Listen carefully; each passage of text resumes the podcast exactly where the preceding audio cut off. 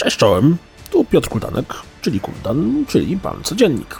Kolejny tydzień za nami, więc kolejny Game Week przed nami. Co było u Was grane? Bo ja zaliczyłem powrót do Egiptu w dodatku do nowego Asasyna i bawię się równie dobrze co w podstawce.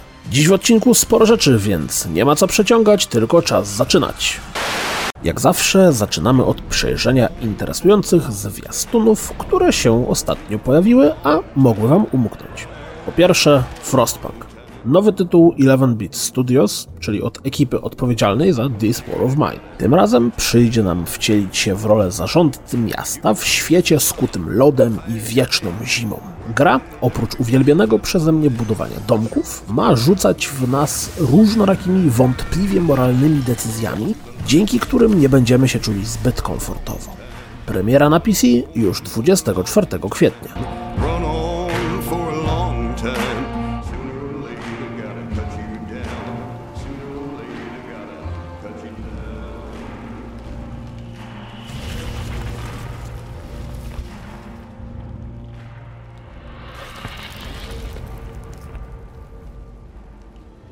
Przeciągu tych ponad 2,5 roku, odkąd robię codziennik, widziałem dziesiątki, jak nie setki zwiastunów dwuwymiarowych platformówek. Przez co naprawdę rzadko zdarza się, żeby którykolwiek przykuł moją uwagę w większym stopniu. Planet Alpha się to udało. Nie do końca wiem czemu, ale coś w nim jest. Może dlatego, że ciągłe biegnięcie w prawo trochę przypomina mi Inside. Tylko takie bardziej kolorowe Inside. Tytuł ma jeszcze w tym roku pojawić się na PlayStation 4, Xbox One, Switchu i PC.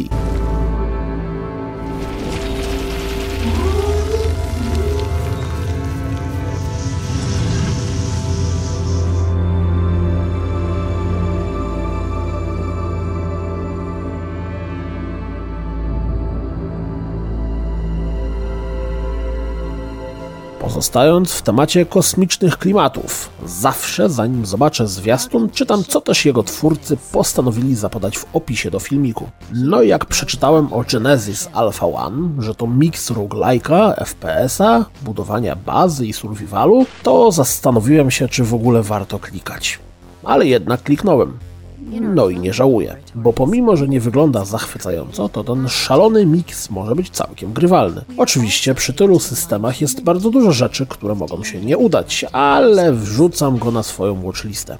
Gra ma trafić na Xbox One, PC i PlayStation 4.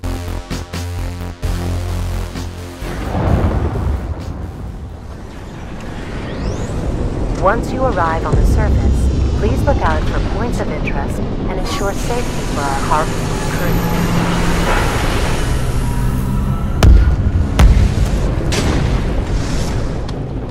Kolejna rzecz, która przykuła moją uwagę w tym tygodniu to Disco Lizo albo Elysium.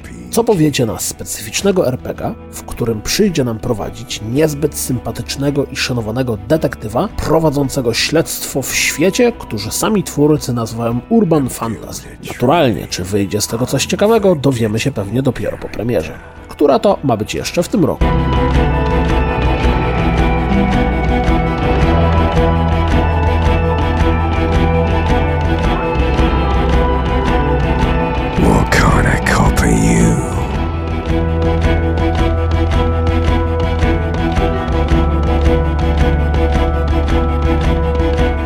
Zakończenie Pathway, czyli ładna, pixelartowa, turowa strategia z mocnym wątkiem fabularnym.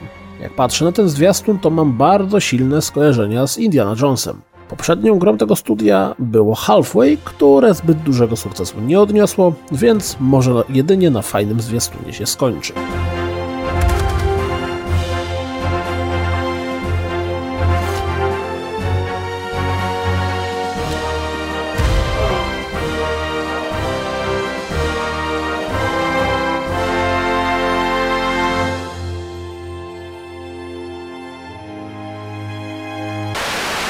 Jednym z bardziej gorących tematów tego tygodnia była zapowiedź nowej części przygód Lara Croft, czyli Shadow of the Tomb Raider. Najpierw pojawiła się tajemnicza strona internetowa, z której bardzo szybko wyczytano, konkretnie rzecz biorąc to ze źródła tej strony, że gra zadebiutuje 14 września, a pełny zwiastun dostaniemy pod koniec kwietnia. Niespodzianka troszkę zmalała, ale dzień później pojawił się krótki teaser, z którego można wywnioskować, że tym razem Lara uda się do Meksyku. Chociaż pewnie nie tylko do Meksyku. Premiera gry 14 września na PC, Xbox One i PlayStation 4, czyli nie jest to tytuł na żadną wyłączność. Swoją drogą bardzo podoba mi się ten styl. Oficjalny reveal w marcu, a premiera za pół roku. Czas na szybką piłkę, czyli zestaw krótkich newsów bez dokładniejszego umawiania. Days Gone zaliczy obsuwę i pojawi się jednak w 2019 roku. Chodzą ploty, że na E3 w tym roku dowiemy się o powrocie Splinter Cella. Pillars of Eternity 2 Deadfire zaliczy drobną obsuwę i zadebiutuje 8 maja. Drew Capshin odchodzi z BioWare.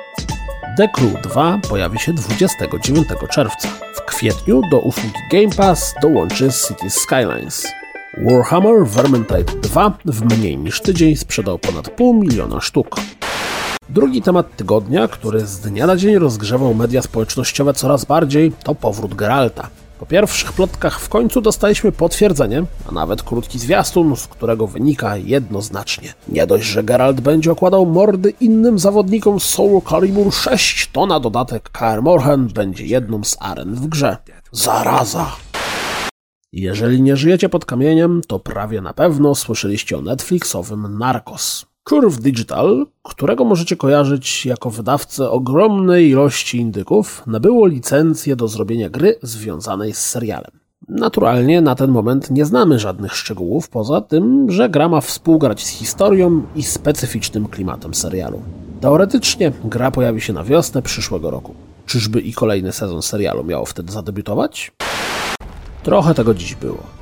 Tym tygodniu też będzie się działo, bo wielkimi krokami zbliżają się do nas premiery Sea of Thieves, Nino Kuni 2 i A Way Out. Jeśli macie jakieś sugestie co do tego, co powinno się dodatkowo w Game Weekach znajdować, to dawajcie znać w komentarzach.